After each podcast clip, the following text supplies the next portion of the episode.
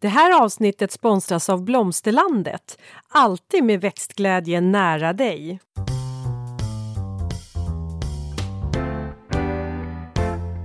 Välkommen till Ulrika och Lindas trädgårdspodd. Och det är jag som är Linda Kjellén, trädgårdsmästare. Och det är jag som är Ulrika Levin, trädgårdsdesigner. Eh, dagens avsnitt ska faktiskt handla om det vi har under fötterna i en trädgård. Vi ska prata om de hårda materialen idag. Eller hur? Ja, det ska vi.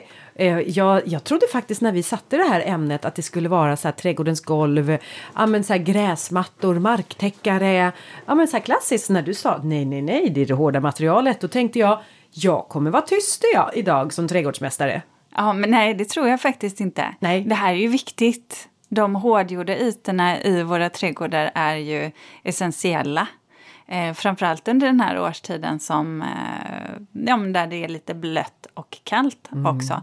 Och vi ska ju prata om materialvalen utifrån ja, olika perspektiv. Och här får det ju faktiskt bli så att det också handlar om min erfarenhet. Eh, naturligtvis. Jag kan ju inte täcka in material som jag inte har jobbat med. Och sen finns det ju miljöaspekter.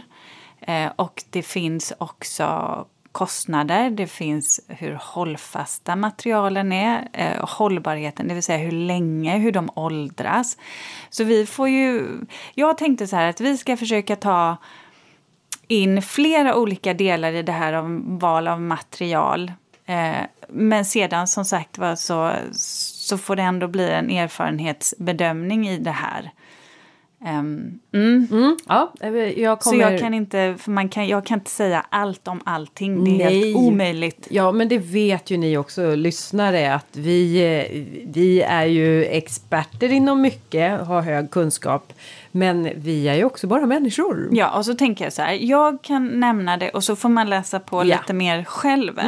Och så får man kanske en ingång i alla fall om hur man kan fundera, eller hur jag funderar. Ja. Men du, apropå hur du funderar. Vad har du hållit på med sen senast vi sågs? Jo, men vet du vad? Jag har Nej, faktiskt men- oj, varit du uppe i... upp nu. i jo, men vet du vad? Jag har faktiskt varit uppe i Norrland och tittat på ett Blir jobb. man Jag- sådär glad då? Jo, för jag har aldrig varit så långt norrut som jag var. Jag var eh, strax utanför Piteå. Eh, så det är mitt absolut nordligaste uppdrag någonsin. Ligger en havstomt vid Bottenvikens strand. Eh, första gången jag drack kokkaffe. Ja, jag såg Ja. en bild eh, sådär flimra förbi i något, Ja. eh, ditt flöde. Så det gjorde jag. Ja. Och sedan så, eh, så eh, har jag också lärt mig eh, några ord på pitemål. Och Jaha. jag har lovat att jag ska uttala dem, för det har jag fått en förfrågan om. Och jag kan ju absolut inte sätta Ska in dem i... hem? Ja. Nej, nej, alltså så här, jag kan inte sätta in dem i en mening. Eh, det kan jag säga, det går inte. Men Okej, jag kan låt så här. Hojna, det betyder den där om en tjej. Haina blir om en kille. Och heina betyder det här. Jaha. Hur... Återigen, där tar det stopp. Synen tror jag också jag lärde mig hur man skulle använda ett begrepp som heter he. Som är typ putt, eller man använder som engelska putt i någon typ av rörelse. Jag förstod det inte. Nej. Men, men det låter himla härligt när de som kan pratar, pratar pitemål. Det, är ett, det är en gammal dialekt. Ja, vackert. Jag, jag Ja, det var det sån här, verkligen. Så här lugn och trygghet. Det känns så här, ja, stabilt helt enkelt. Ja. Så det tyckte jag faktiskt, nej men det var faktiskt, det, är roligt. Det är ju ett helt annat läge. Det är ju så galet mycket snö där uppe så det är också spännande. Och jag kan säga att vilken vidunderlig utsikt.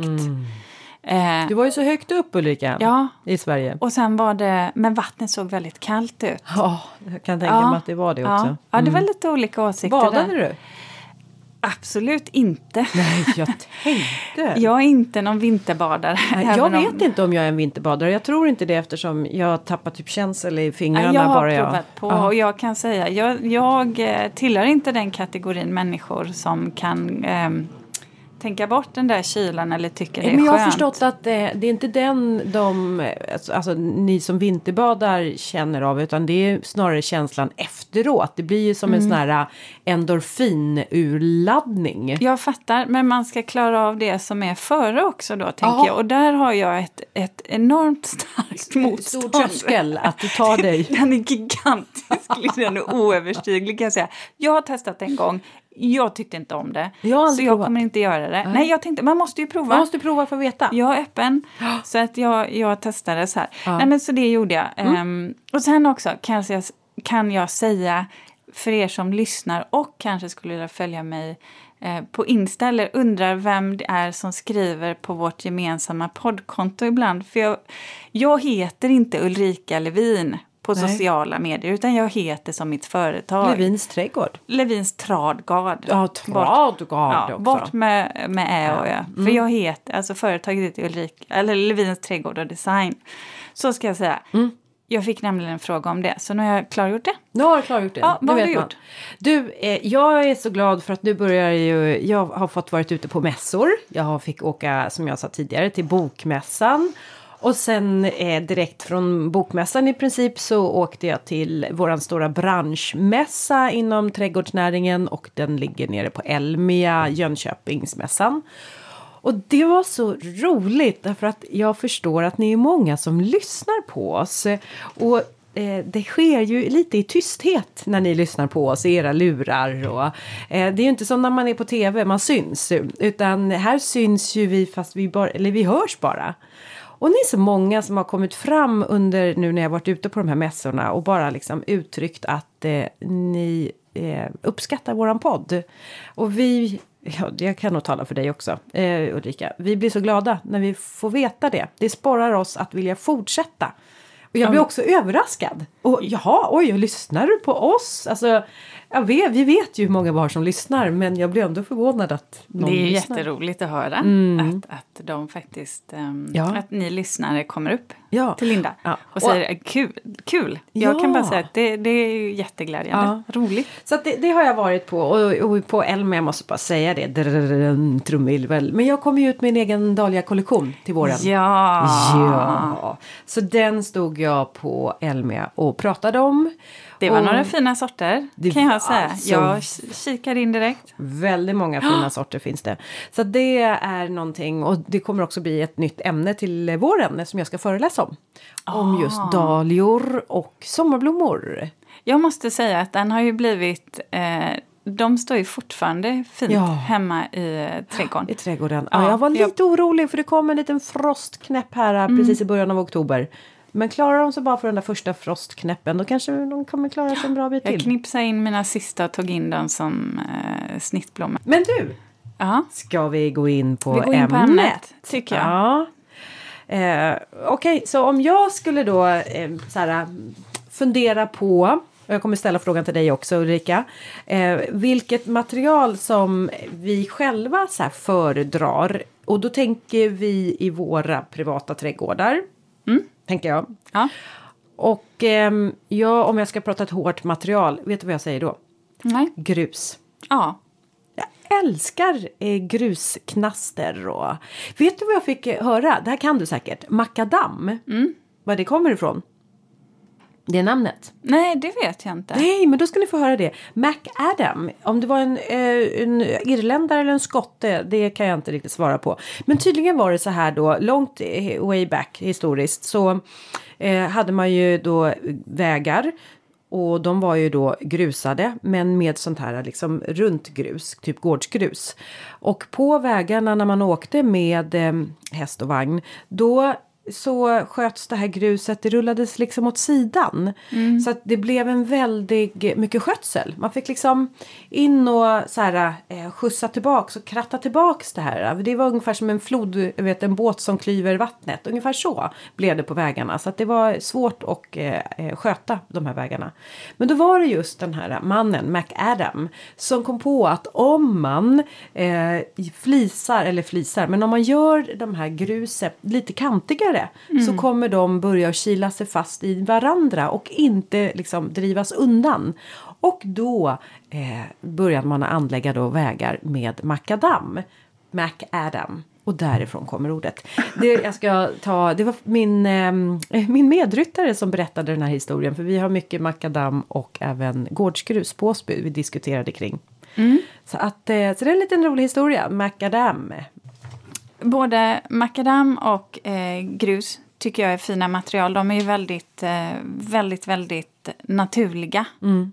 Eh, och vi har ju också haft ett avsnitt om klimatsmart trädgård där vi pratade lite om eh, både avsnitt 33 tror jag det var. Mm. Eh, där vi pratade om både makadam och grus och vad som är skillnaden också ur vad man tar det. Makadam är ju krossat berg. Um, eh, grus är, tar man ju från en grustäkt. Uh, och vi hade gäst med oss i det avsnittet också. Så det kan vi uh, ja, men rekommendera. Gå in och lyssna på det också. Men annars tycker jag, jag, jag gillar grus. Jag tycker ja. att det är, alltså jag tror att det handlar också om att jag har ju främst bott i gamla hus. Och stilmässigt till de här gamla husen så tänker jag att man hade inte, ja man gatsten började väl kanske att komma. Eh, men att det var främst grus. Så att för mig passar det fint. Sen gillar jag, jag, jag jobbar ju mycket med det här med sinnena. Alltså att de får vara lite på sin vakt. Eller så här. Mm. Så här. Och det tycker jag, det grusade. Det ja. sen, sen kan ju det här med, jag kan ju tycka också då att, att eh, man kan använda sig av makadammet också, men man kan använda det i en väldigt liten fraktion. Mm. Då blir det inte så kantigt. Det kan nästan bara vara som ja, snäppet över stenmjöl som ändå är, precis som det låter, väldigt, väldigt små mm. fraktioner. Jag kan tycka att stenmjöl är ett jättebra materialval också. Eh, kostnadseffektivt. Eh, det är naturligt, det blir väldigt hårt. Det är också fuktighetshållande, så kanske inte det man lägger direkt in vid husgrunden. Eh, men väldigt, väldigt enkelt att sköta. Eller så kan man lägga bara ett litet lager med, med makadam eller grus ovanpå då. Eh, så kan man också jobba. Väljer man eh, naturgrus då så ska man tänka på att inte välja för stora dimensioner på gruset. Det vill säga att jag kan tycka att mellan 4 till 12 millimeter är ganska bra. Eh, mm. Börjar du komma över där så att du kommer upp mot en 16. Ja, nej då. Och då blir stenarna för stora så att då är det, liksom, det är lite svårt att gå på. Mm, mm. Jag föredrar personligen när, man, när gruset är, och det är så naturligt som möjligt. Det vill säga att jag är inte så mycket för dekorgrus eller den typen av sten eh, själv. Jag jobbar sällan med det. Utan jag, jag gillar ju det att det där får harmoniera med, med övriga delar i en trädgård. Jag gillar ju natursten. Ja. Eh, och då pratade vi ju egentligen allt som är Ja men du vet, granit. Mm. Eh, vi pratar skiffer. Yep. Vi pratar kalksten. Yep. Eh, jag tycker vi har fantastisk svensk sten eh, som man kan använda.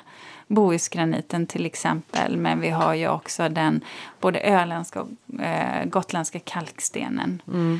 Um, och skiffen kan jag tycka är fantastiskt. Det finns ju en del som är superfin. Mm. Mm. Men du, hur fungerar det då när man tar natursten? Det är ju också ungefär som med, med grus då eller? Att det är en det är ändlig ju... resurs eller? Ja men allt kan man väl någonstans ja. säga. Det, ja. det, jag menar planeten är ju planeten. Mm. Det, mm. det finns ju bara en av den så att ingenting är det. Men det handlar ju om när man bryter stenen. Sen är ju sten har ju en väldigt lång livslängd. Mm. Eh, jag menar, graniten är ju extremt hållbar. Den åldras jättefint. Men jag kan inte svara på hur mycket, om man ska börja räkna på hur mycket koldioxid saker och ting släpper ut, alltså kontra stenmjöl kontra... Nej. Eh, det kan jag inte svara på. Någonstans så måste man ju ha, vi kan ju inte gå på, vi kan ju bara enas om att vi kan inte gå på jord. Det går inte, det funkar inte, det funkar inte heller i en urban miljö. Däremot så, så eh, kan jag tycka att man kan försöka undvika till exempel asfalt. Um, och gå mot natursten. Natursten funkar ju alltid. Det åldras ju också fint. Uh, och det blir ju hårda ytor. Och det är det här jag tycker när man ska fundera på hårdgjorda ytor. Där du är, går mest frekvent, där behöver du ha en yta som är lätt att sköta, som inte är för hal och det kan man också tänka på utifrån hur man då hanterar, alltså vilken sten man väljer. För Ja, även, gud. Nu ja, börjar jag fnissa för jag var med om, apropå förhal, eh, vi hade ju grusgång eh, till vårt förra hus. Ja. Och det sluttade ju ner lite i nedförsbacke. Ja, det gör det. Ja. Och sen så skulle vi lyfta in en soffa i huset. Och, och så gick vi, jag och, och sen eh, min man och sen så var även eh, Peter var med också eh, och hjälpte till att liksom bära. Eh, men det var bara det att eh, Peter under hans fötter då började ju gruset rulla. Så Ja, han ja, rullar ja. med soffan rakt in i min formklippta lilla buxbomsklot. Men han landade så här mjukt. bra. Både mjukt och fick en mjuk soffa över sig så det gick bra. Men då tänkte jag just på det där gruset alltså det är riktigt halt. Det kan verkligen få en i rullning. Ja, och det ska man ju tänka på just det här när vi pratar hårdgjorda ytor. Lutningar, vare sig man har grus eller om man har så att säga sten. Det krävs inte mycket lutning för Nej. att en gång ska bli hal. Ja. Och gruset också vad som hände ofta det var ju att det, det, långsamt så drogs ju det neråt Ja. så att vi hade ju alltid, jag fick alltid gå med krattan och kratta tillbaks allt det här gruset. Mm. Då kan makadam, en mindre fraktion av eh, makadam faktiskt vara bättre. Bättre som Inte kvar. skönt att gå barfota på, det kan jag ju säga. Nej, men grus i allmänhet är ju inte så. Nej. Och också det här med att, så att säga, det blir lite mer ogräsrens. Eh, och om man tittar på graniten då, Mm. den kan man ju välja som smågottsten eller storgottsten. Eh, de här ni vet gamla kullerstensgatorna. Man har ju också granithällar då. Och de kan ju behandlas lite olika. Antingen kan man ha en flammad yta, så man kan ha den som är liksom lite mer skrovlig. Ja. Som kan vara jättebra att ha på gångar. eh, Kring pool ser jag framför mig. kring pooler och sen så kan du ha den som är lite mer slät. Men då blir den ju så att säga också lite halare. Ja. Eh, granit tycker jag funkar i både till moderna hus och till gamla hus. Eh, det handlar lite om hur man lägger dem. Jag kan tycka att granithällar i fallande längder, det vill säga att då har man rektangulära plattor men du har olika längder på dem. ja, just det. När man lägger så så kan det också bli väldigt effektfullt. Eh, Det blir väldigt levande. Eller så gör du det väldigt symmetriskt med, med, en, med en, ett enda mått på stenen. Kanske 60 gånger 30 eller 60 gånger eh, 35 beroende på vad som finns. Mm. Här finns ju också stenen i olika färg. De som är liksom lite mer grå, de som har lite mer rött i sig kan man också titta på vad man vill ha. Kan också vara jättefint att kombinera med smågottstenar eller friser, det vill säga eh, friser är ju egentligen en kant Mm. Av en båd kan man också kalla det för om man tittar på ett trägolv, en Det är en ekparkett. inramning. Ja. Eh, där kan man också jobba med storgottsten eller smågottsten och så kan man laborera med det där för att få Och då det tänker du man laborerar, man använder sig av samma material men i olika former. Ja.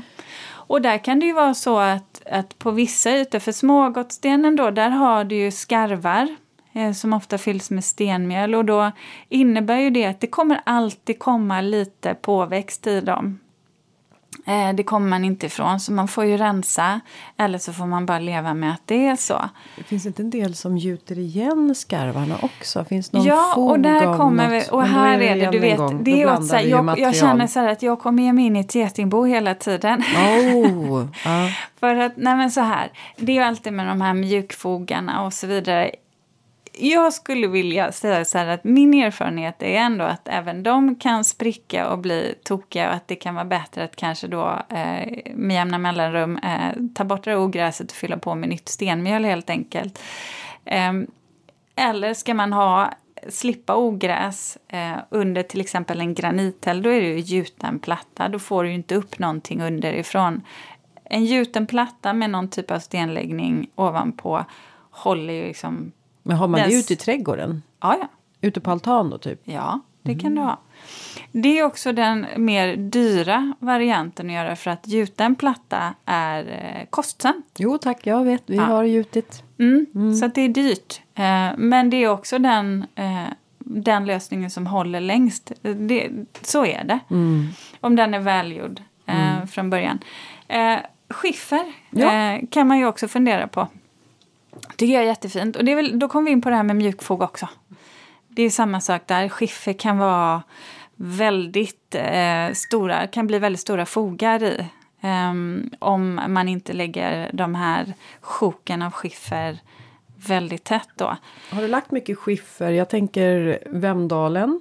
Ja, Vemdalen la, där var det ju. Och, och där var det så, alltså det var en sån här fantastisk stenläggare. Han har gjort det så han har gjort det så himla fint för där ville jag verkligen att känslan skulle vara av att, att skiffret flöt ut i naturen. Så jag sa att spara så stora sjok som det är möjligt för de kommer i så här gigantiska skivor. Jag tror de väger 200 kilo styck eller någonting sånt. Så han slog inte sönder dem så att de blev så här ytterpyttesmå. Vilket många som kommer från Öst och Centraleuropa, när de lägger stenläggare som kommer därifrån, de gillar eh, många gånger att bryta sönder de här och lägga det nästan lite mer så att det ser ut som mosaik. De tycker jag är lite knäpp som säger att jag vill ha de här stora sjoken. Ehm, men han har gjort det så, han, han sparade så att det blev, ja, det blev så himla fint.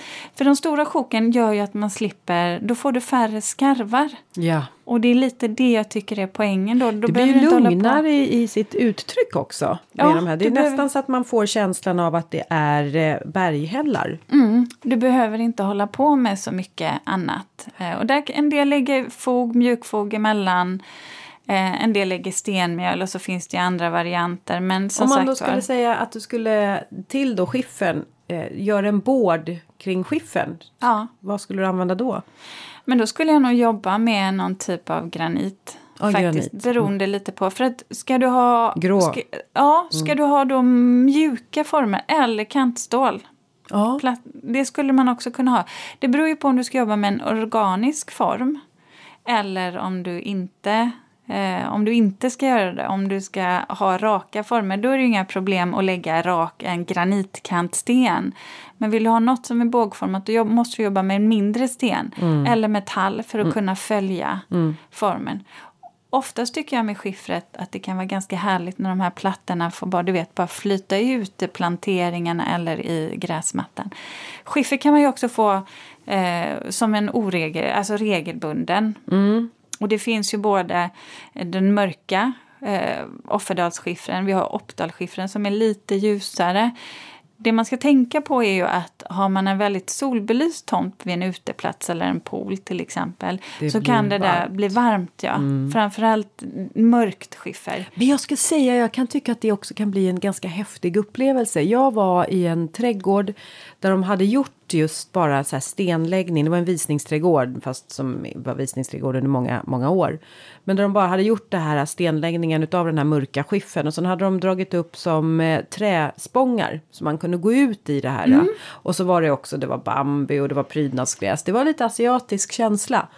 Och jag gick på avstånd och tittade för jag har ju en förkärlek till grönskande trädgårdar, inte till stenlagda trädgårdar. Och jag tänkte det där ser så kallt och kargt och ogästvänligt ut. Men eftersom jag var där så gick jag ju såklart ut på spångarna i alla fall. Och så när jag hamnade mitt på den här öppna ytan, mitt på spången där jag har de här stenläggningarna liksom, runt omkring. Så slog den här värmen emot mig. Och det var en konstig kontrast för att det var så kargt och ganska ogästvänligt men ändå så varmt. Det, så det blev så här, mm. Det blev lite Ja. mysigt ändå. Ja! Och sten behåller ju värmen. Eh, faktiskt bra. Jag tycker skiffer är ett jättefint material. Också ett sånt här så ofta, du vet 60 under 60-70-tal, många av de här eh, gam- äldre husen, lite tegelhusen, är ju gjorda. Ja och, då kan man, det. ja, och då kan man ju tipsa om om man har en köksträdgård och man liksom vill verkligen så här jobba med zonknäckeri. Att just använda mörka då, stenplattor som eh, suger åt sig värmen. Då jämnar du ju ut det. Då får du mycket mildare i din köksträdgård till exempel. Mm. Och sen är det ju alltid så här när man jobbar med oregelbundna plattor om du inte fyller i, har en gjuten platta då och fyller i sen att du sätter betong eller någonting emellan då. Så är det ju så att, att ehm, det kan ju alltid bli liksom lite ojämnt och det är ju samma sak när vi börjar prata om kalksten. Eh, faktiskt. Ja, kan vi inte prata om den eh, röda kalkstenen? Ja, öländska tänker Den jag öländska, på. Sen ja. har vi den gotländska. Nej, Eller? Nej, rö, eh, den röda är öländsk Ja. eh, och den finns ju också i grå och den finns också melerad. Den som Varför kommer tänker jag på Gotland för då? Ja men Gotland har också äh, kalksten, Ja. jättefin, men den är lite mer ljusgrå. Ja, den så åt det- den kan nästan gå till vita, alltså Ja. beigea hållet. Ja. Mm. Också fantastiskt fin, ska jag säga. Jag har jobbat med både, så att säga, ett projekt då hade jag det både, då hade jag lagt det på insidan av huset och så tog jag med det på utsidan hela vägen också. Ja, det är ju så sjukt snyggt. Dyrt kan Ja. jag säga. Men väldigt, väldigt snyggt. Jag älskar kalksten. Det om jag får välja en sten så kanske det är den gråa. Ja, jag trodde du skulle säga granit eller skiffer. Nej, men alltså jag tycker om kalkstenen för att den blir så mjuk. Den är så mjuk i sitt, eh, sin färg. Ja. Den, här, den, här, den är inte kallgrå alltid utan en sån här mjukgrå färg. Sen är ju är absolut både skiffer och granit alltså mer hållbar utifrån det faktum att de inte suger på samma sätt som kalkstenen gör. Det vet ni om man har haft en kalkstensskiva att om man ställer ett glas rödvin som, som har, eh, så att säga, får, får stå lite för länge. Ja, Ja. Mm. då kan det ju bli fläckar och det kan det ju även bli faktiskt på golvet. Eller man grillar och det kommer Men du, hur är det med eh, frost? Är det därför som till exempel den öländska kalkstenen den ligger ju liksom i skivor? Att jag kan uppleva att det kan lossa eh, så här, på Ja, ytan. eh, Kan det vara att det åh. Jag ska inte svära på att det är så, det kan det säkert vara. För att om du har tänkt på det, gamla stenar är ju liksom lite mer klovhuggna än det som kommer nu. Och det tror jag, jag tror att det här har med brytningen, alltså hur ytligt eller djupt ner man har kommit i berget nu när du så att säga skördar höll jag på att säga, men när du bryter stenen. För mycket av den eh, kalkstenen som kommer idag, idag är lite topphyvlad. Man har så att säga, den är inte lika ojämn. Sen kan ju få, du få den helt slät också egentligen. Men du har alltid porerna Ja. Eh, i stenen. Så att, eh, Vad men- säger du om platsen för den öländska kalkstenen? För det jag vet att det är i många trädgårdar typ som är från 60-tal, va? 50-60-tal kan det vara det? Som har haft eh, kalkstensläggningar. jag vet som ute hos min mamma har hon eh, på sitt landställe där det har varit eh, liksom 60-talets anda. Och de stenarna de är bortplockade och ligger bara på hög. Mm. Eh, och jag funderar på... eh, Det är många som inte gillar den Nej. röda stenen. Och det tycker jag är synd för jag tycker att den får en eh, den får också en fin patina. Jag tror att det kommer ändras lite för jag, jag, min upplevelse är ändå att man tar tillvara den här kalkstenen på ett annat sätt än vad man gjorde tidigare. Och det försöker jag alltid och det säger jag att om ni flyttar till en gammal trädgård, om ni har natursten, om det är kalksten, om det är granit, om det är skiffer, var även betong faktiskt. Eh, så var lite rädd om de här stenarna och vill absolut inte ha dem själva, sälj dem eller låt någon komma och plocka upp det. För det är så synd om det går till spillo. Eh, men jag gillar, jag gillar alla färger när det gäller kalkstenen. Jättebra att jobba, på, jobba med när det också gäller murar. Ja, murar är bra för den nästan kilas fast i varandra. Ja, Men det är många som tycker att den är knepig att ha på en altan till exempel. För att det är svårt att möblera. För att Nej, men du blir... får, då får du topphyvla det eller så får du välja den släta. Det handlar om hur du behandlar stenen. Återigen, det finns många sätt att behandla sin sten på. Eh, och det gäller inte bara natursten utan även när vi kommer in kanske på betong. Eh, så, Mm. vi- så fint. Ja. Ska vi vandra in på betongen eller vill du säga någonting om eh, den eh, gotländska kalkstenen? Eller? Nej men det är ju samma sak. Ja, det, det är är bara samma. olika nyanser. Så Ja. där tycker jag att man får titta på. Jag menar, jag har ju gjort en del projekt på Gotland och då är det ju självklart att man jobbar med Men den gotland, gotländska. Ja, granitkeramik. Eh, då Det kommer låter vi... som att det är både och. Då kommer vi in på någonting annat och det skulle jag snarare likna kanske vi som en vanlig klinkerplatta eller om man ska gå åt det hållet. Eh, kan också vara väldigt fint. Eh, det finns i många olika nyanser. Är också eh, otroligt bra vid till exempel pooler. Eh, man kan få dem i ganska stora eh, plattor. Både fyrkantiga eller rektangulära. betongen då. Mm, mm. Det är ju också ett Vi kommer in på betongen nu. Ja. Nu kommer vi in på betongen. betongen. Ja. Jag tycker det är ett fantastiskt material. Ja. Det är inte helt oproblematiskt tyvärr utifrån eh, klimatsynpunkt dock. Det ska man vara medveten om för det handlar ju om cementen som finns i betongen. Cementen är ju bindemedlet i betong. Och det släpper ut mycket koldioxid. Ehm, så att absolut, ehm, man försöker titta på om man kan hitta andra bindemedel för betong. Och det kanske man kommer fram till. Jag vet, jag vet, jag tror i alla fall att man håller på att testa det. Det kanske inte eh, än så länge funkar för hus, jag vet inte. Men man kanske kan komma med det så att man kan ha det i trädgården på, på ytor som inte behöver ha samma hållfasthet som en husgrund eller bärande konstruktioner. Eh, men annars så tycker jag ju också att, att betong som material är så tacksam för att du kan få precis den form som du egentligen vill ha. Eh, den är också hållbar eh, och den åldras också väl kan jag tycka. Sen är det alltid det här när man har en helt gjuten betongplatta Ehm, där kan man ju få sprickbildningar. Ofta sågar man sönder det eller som eh, jag har gjort nu eh, ute på ett större projekt där det blev där man då hade valt formgjuten betong. Och då så att säga gör man mönster i, i, i betongen. Det, det kan också bli väldigt fint. Annars så fick jag lära mig av en betongare och det här kanske andra betongare har andra Vad är en om, betongare? Som fixar sådana här saker. Som Det är gör stenläggare, plattor. utan det nej, är- nej. jag kallar dem för betongare. Ja, jag hör att Som jobbar det. i betong då. Ja.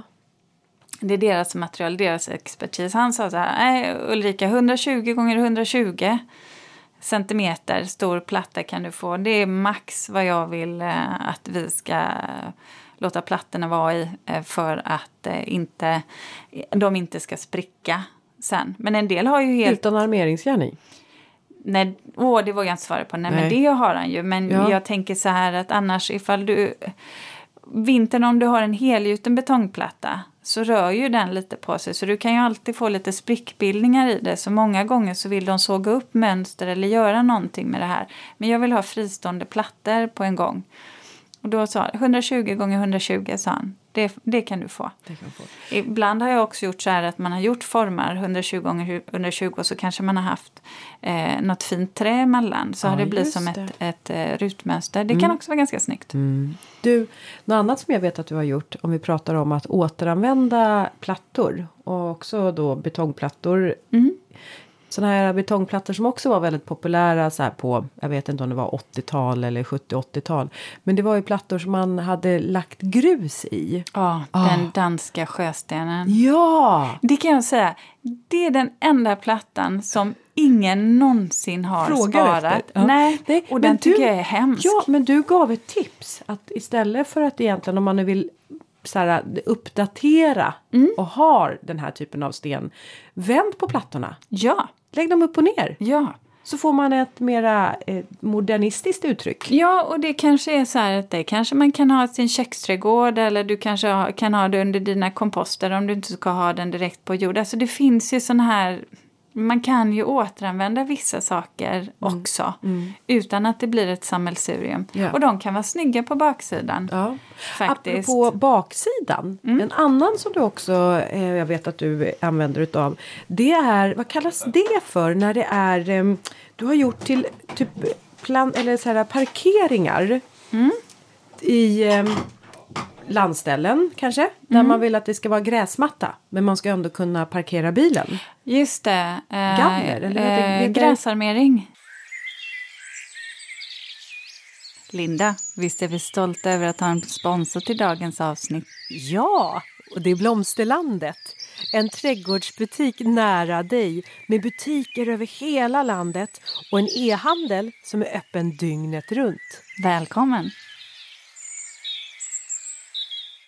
Det är ju betong, Ja. egentlig betongsten, men som har hål i sig. Ja. Där man då så att säga kan köra upp med en bil, alltså, eller med ett släp eller med en båttrailer.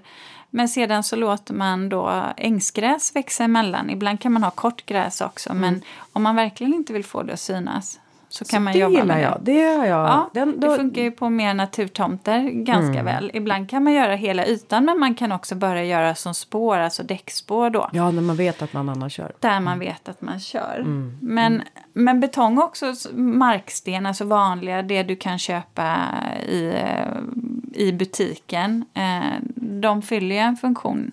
Eh, definitivt. Mm. Eh, marktegel. Love marktegel. You Och det är så roligt Ja. att det har kommit tillbaka. För att när jag började så fanns fortfarande marktegel att tillgå. Sen kom all marksten med betong och då var det det Som enda. liknas som marktegel. Ja, Mm. så att säga. Och det var det enda som man skulle jobba med. Eh, Men nu har ju faktiskt marktegel kommit tillbaka. Dels för att man börjar använda det på fasader, Columbateglet till exempel. Just det. Ehm, Men sen så har du ju också att du använder det i växthus och använder det på gångarna. Det, alltså det är så snyggt. Det är Tänk så så här fiskbensmönstrat. Ja. Och du kan lägga så många olika typer Mm. av mönster. Fiskben, men du kan lägga i kvadrater. Och det är ett väldigt, här väldigt vackert... liksom. Ja, det är ett väldigt vackert material som också åldras väl och finns i många olika färger. Eh, det är också så här, precis som natursten. Vadå eh, olika färger? Jag ser bara tegel. Ja, men du har ju brända färger. Du kan få allt ifrån det mörka, nästan svarta, jordbrun svart till rött, till sand, till grått. Så att det finns olika, eh, olika typer av nyanser. Men ett väldigt, väldigt vackert eh, material. Också återigen, precis som natursten, det är lite dyrare. Eller det kan vara mycket dyrare, skulle jag vilja säga. Det är ju mer ett hantverk också. Ja. Ibland får man ju välja det och ibland kan det vara så att man då kanske istället kan göra så att man väljer natursten på sin uteplats eller sina gångar och sedan så kanske du väljer stenmjöl på parkeringen eller makadam eller någonting där du har stora hårdgjorda ytor men som kanske täcks av en bil hela tiden för att komma undan lite från, Mm, från lite- kostnaden. Mm. Eh, men sen så är det ju också så att säga, sen har vi ju lutning och det är så här, när man pratar stengångar eh, och lutning. Mm.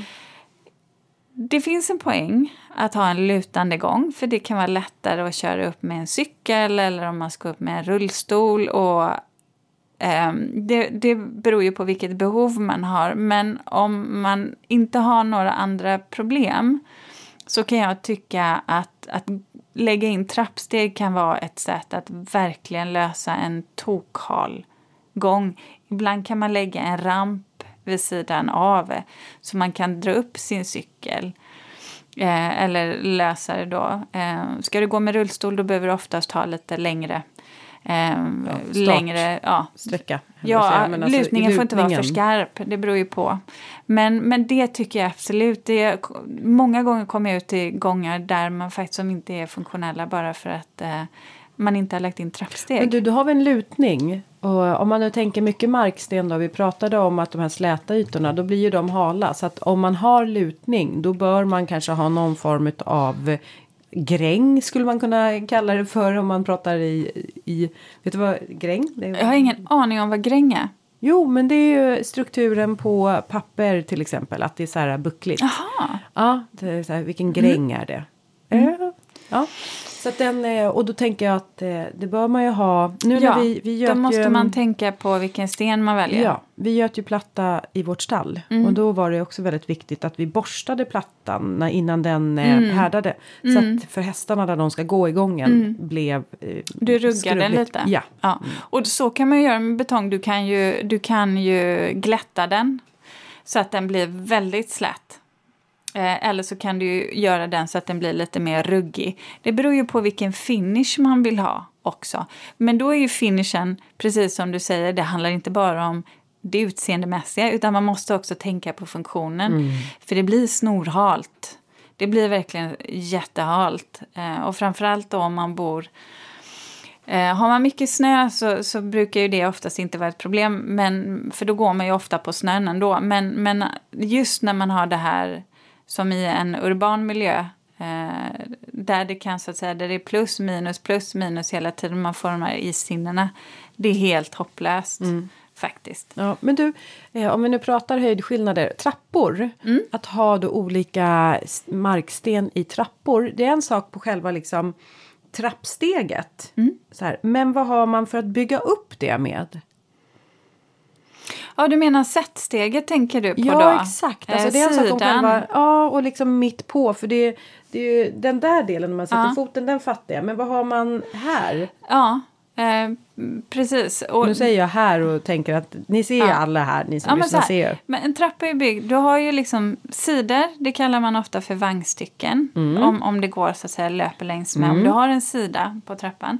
Sedan har du ju plansteget, det är där du sätter foten. Och sen har du sättsteget och det är liksom framkanten Ja. som du sätter plansteget Ja, på. och det är den jag menar. Ja. Då För kan den man ju- spelar ju också in i... Exakt, Så hur, det gör det. Mm. Och då beror det ju på vad man väljer för materialval. Då kan man tänka sig att du kan ha en, en eh, granit, då kan du ha ett helt block som är massiv sten då. Då har du ju så att säga, Ja, just det. Då är den... Då, då är har den du ju en framsida. Ja, Och vilken stegmått är det vi brukar prata om här? Ja, för en trappa då är det ju så att säga, då behöver du ha en steghöjd utomhus. Då brukar man säga någonstans mellan 10 till 16 centimeter. Du kan gå upp till 18. Jag tror vi har, ja, för jag tror vi har 18 i vår trappa som du har ritat på. Spel. Ja, men det är inomhus. Det är inomhus. Det är inomhus. Då kan du ha lite mer. Utomhus så går man ju oftast med skor på. Då Mm. behöver du ha lite, eh, lite lägre steg. Eh, stegdjupet för ett trappsteg tycker jag ska vara någonstans mellan 32 till 35 centimeter. Det vill säga lite djupare än vad du jobbar på insidan också. Med insidan eh, av huset då, en Men om man nu inte där. har då ett helt eh, eh, block, stenblock. Utan, Nej, då får du göra, då tycker jag att antingen då, om man skulle göra det i granit då skulle man kunna tänka sig att du kapar en granithäll och sedan så får du bygga upp sidan. Alltså då får man ju gjuta en kant och sen så klä den då, det vill säga man beklär Ja. sättsteget. Alternativt skulle man kunna gjuta upp, alltså mura, du vet typ storgatstenar eller smågatstenar och sen så lägger man en granithäll ovanpå. Så kan man också göra. Så här kan man Eller blanda materialen då. Ja, så kan du jobba med när du jobbar med betong. Jobbar du med hel, alltså med betong som du formgjuter, då kan du få, alltså Linda, du kan få vilka trappformer du vill och du kan ha dem. Det har jag gjort på ett, ja men på ett sån här, till ett väldigt modernt hus där de har stora nivåskillnader.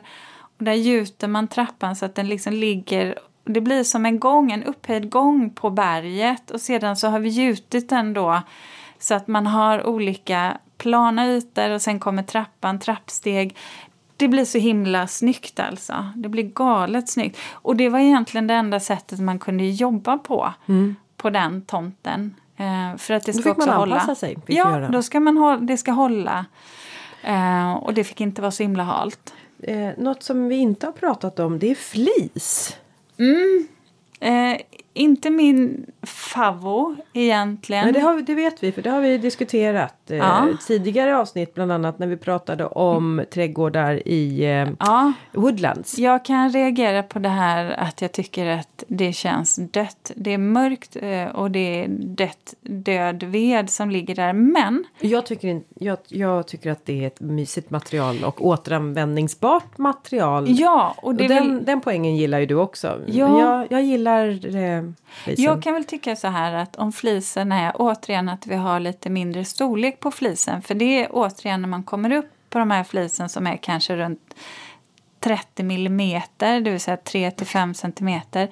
Det är helt hopplöst att gå på dem. Så då får de nästan vara under 10 millimeter, alltså det vill säga en centimeter, för att det ska funka. Och då blir de, är de bruna så blir det nästan som lite jord och då är de mjuka på. Men ni vet att försöka gå på det där fliset, fliset eller springa. Jag testsprang en bana som de precis hade lagt ut.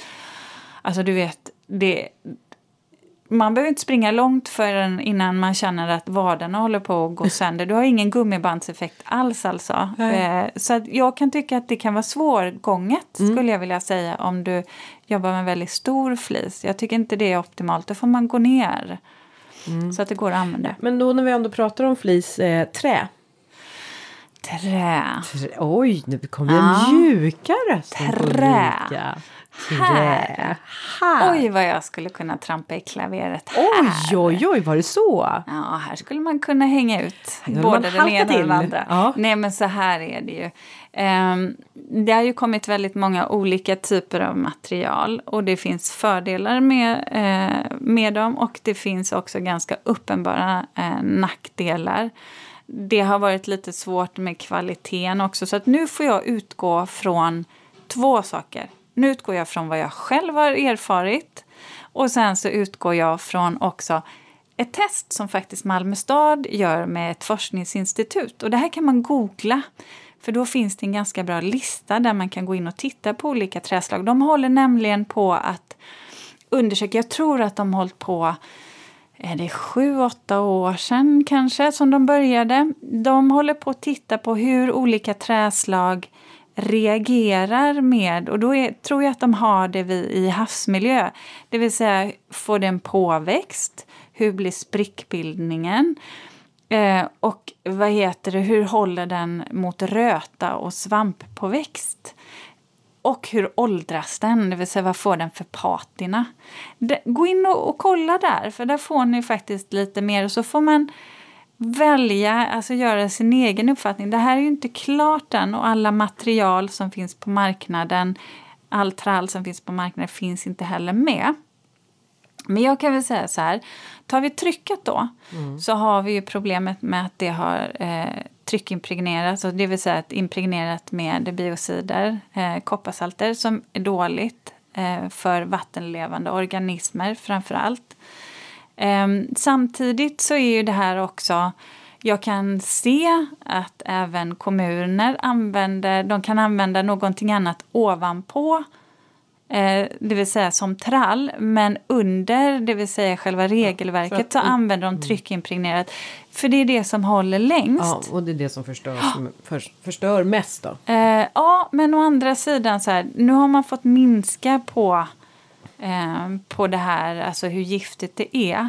Eh, naturligtvis, jag kan inte svara på eh, vilken påverkan det gör. Där kan man läsa sig till och det finns olika åsikter. Så mycket kan jag väl säga.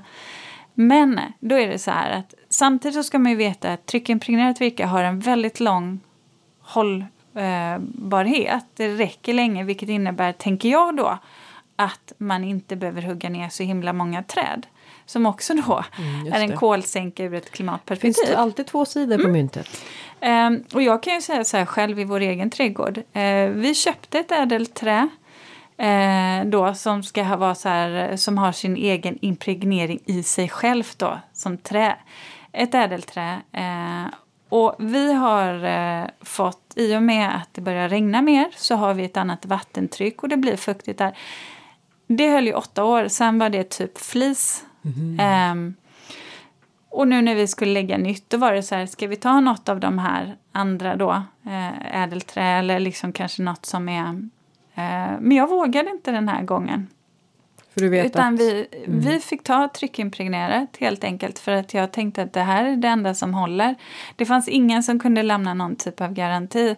Så att det här, när man väljer trä så handlar det också om hur fuktigt det är under, hur mycket luftning du kan få. För det kommer påverka ditt trä jättemycket. Eh, men det, det, sen har vi de här eh, miljömärkta som du kan ju ta Kebony. Eh, eller du kan ta Akoya.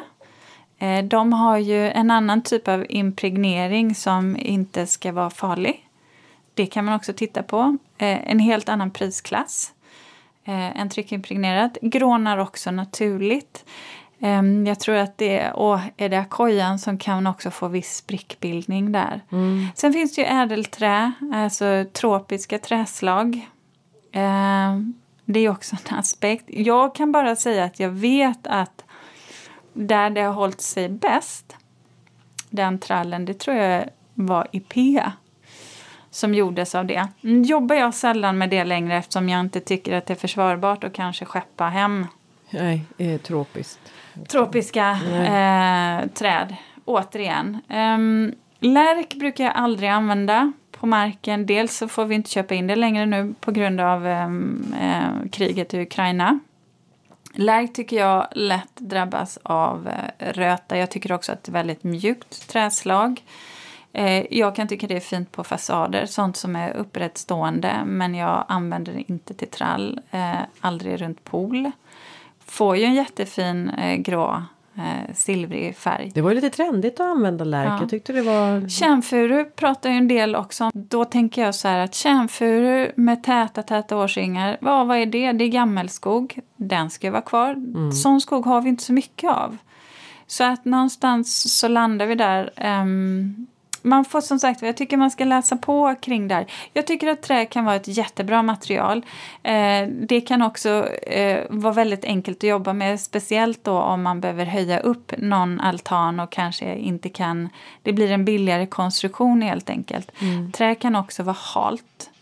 Det ska man ju tänka på. Det kan vara räfflat också. Ja. Man kan Jag är- gillar inte de här räfflade och rillade. För jag kan säga så här, det blir lätt sprickor Mhm. och det blir lätt att man får in flisar i fötterna. Aj. Ibland har jag helt enkelt gjort så att jag har sagt till dem, men vi, vi Vänder på dem. switchar, ja, vi vänder på dem. Men då får man ju ofta B-sidan. Mm, och då finns det ingen mening med att... Nej, men det kan finnas lite hyvelmärken kvar, men då får man hyvla till dem så att det blir snyggt och bra.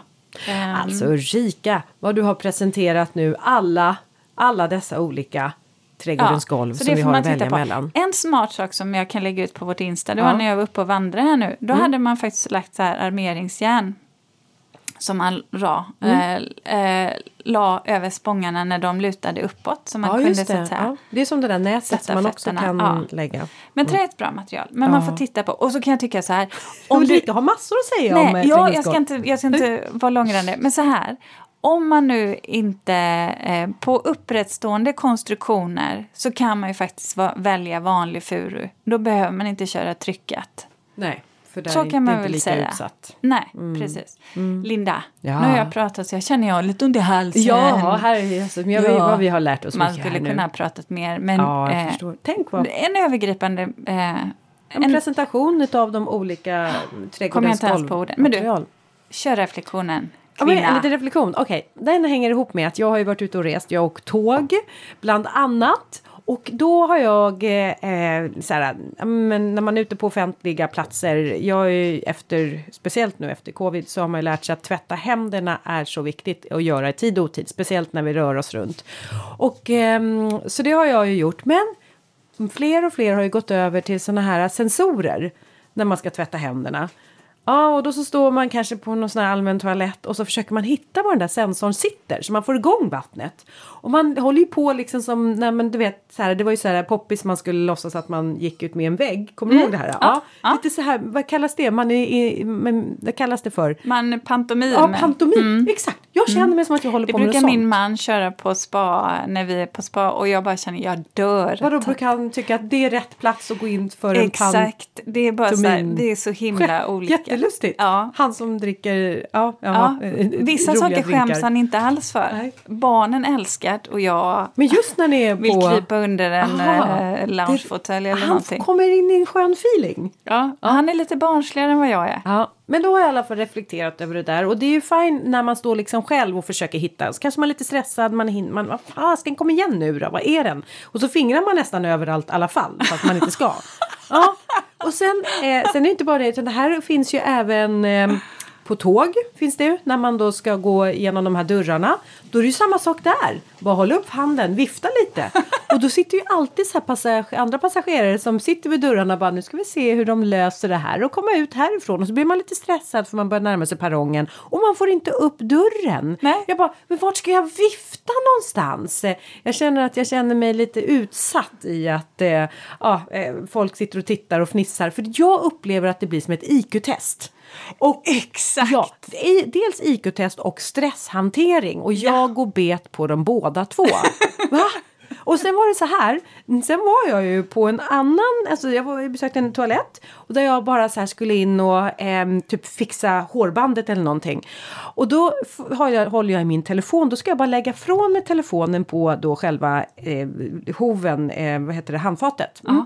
Tror du inte att den har en sån här eh, super, eh, supersökare med att hitta. Så att jag när jag bara svischar förbi med min telefon så blir jag helt, alltså den gången när jag inte vill. Och då har jag liksom börjat reflektera över de här, kan man inte bara ordna någon där det är enkelt? Man sätter fram handen, vattnet kommer, man vinkar lite, dörren öppnas. Nej, man ska hålla på och leka pantomi, eller vad heter det? Precis, pantomi, ja. blir Ja. här high tech. Ja! Små Precis, saker i vardagen som gör att Släpp ut mig. Ja, man känner sig skull. lite förlöjligad. Ja, exakt. Framförallt när man alltid ska göra det eh, Ja. offentligt också. Ja, exakt Ja. så. Jag, jag har ju också någonting, så här, jag sa ju det att jag var uppe i Piteå. Ja. ehm, och, och då passade vi ju på eh, att eh, vi körde ju elbilen upp så att vi passade på att stanna och vandra i Skuleskogens nationalpark där. Eh, och Skuleberget. Och Skuleberget, så här är det, jag, ehm, jag kan få svindel.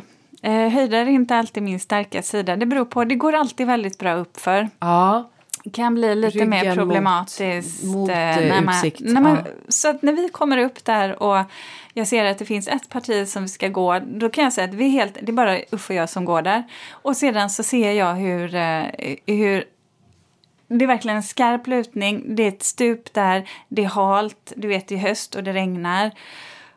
Och jag har lite svindel redan och bara känner så här att åh, nu känns det lite dåligt. så jag bara inser att jag vill inte gå upp dit. Eh, och samtidigt då, så, så, så jag säger, min man har ju överhuvudtaget inga problem eh, med höjder och det hade ju varit skitkast när man är brandman. Mm. Så, men då tänker jag ofta så här att ja, då vet jag ju vad som händer. Man får liksom lite stress, lite ångest. Men då, då tänker jag så här, det är så skönt att bara stå och bara låta det passera. Det är en känsla, den går över och så får jag liksom resonera med sig själv. kontrollen. Ja, faktiskt. Och bara inte reagera på alla den här, det här ganska kraftiga obehaget som kommer då. För jag menar, förlåt, även en panikångestattack kommer gå över. Så är det ju. Det fick jag inte där uppe. Men jag känner igen så här, den där svindeln. Jag behöver få bort yrseln och sen så får jag fundera på Ja, vad är det som är Samla dig. problematiskt? Ja, det är om jag kommer upp och sen måste gå ner samma väg. Då får jag problem. Men nu såg jag att men jag kan gå en annan väg. Jag går lite off-pist istället. Eh, kanske lite halare, men mer avsatser. Så då vet jag också att börjar jag trilla ner så kommer jag stanna där. På den andra sidan, hade jag börjat rulla så hade jag fortsatt. Och så säger min man, jag kan hålla i det Ulrika. Och tänker, ja då dör vi båda två, det är skitkast. Så att jag sa, nej det är ingen idé, jag löser det här på egen hand. Så vi kom upp i alla fall.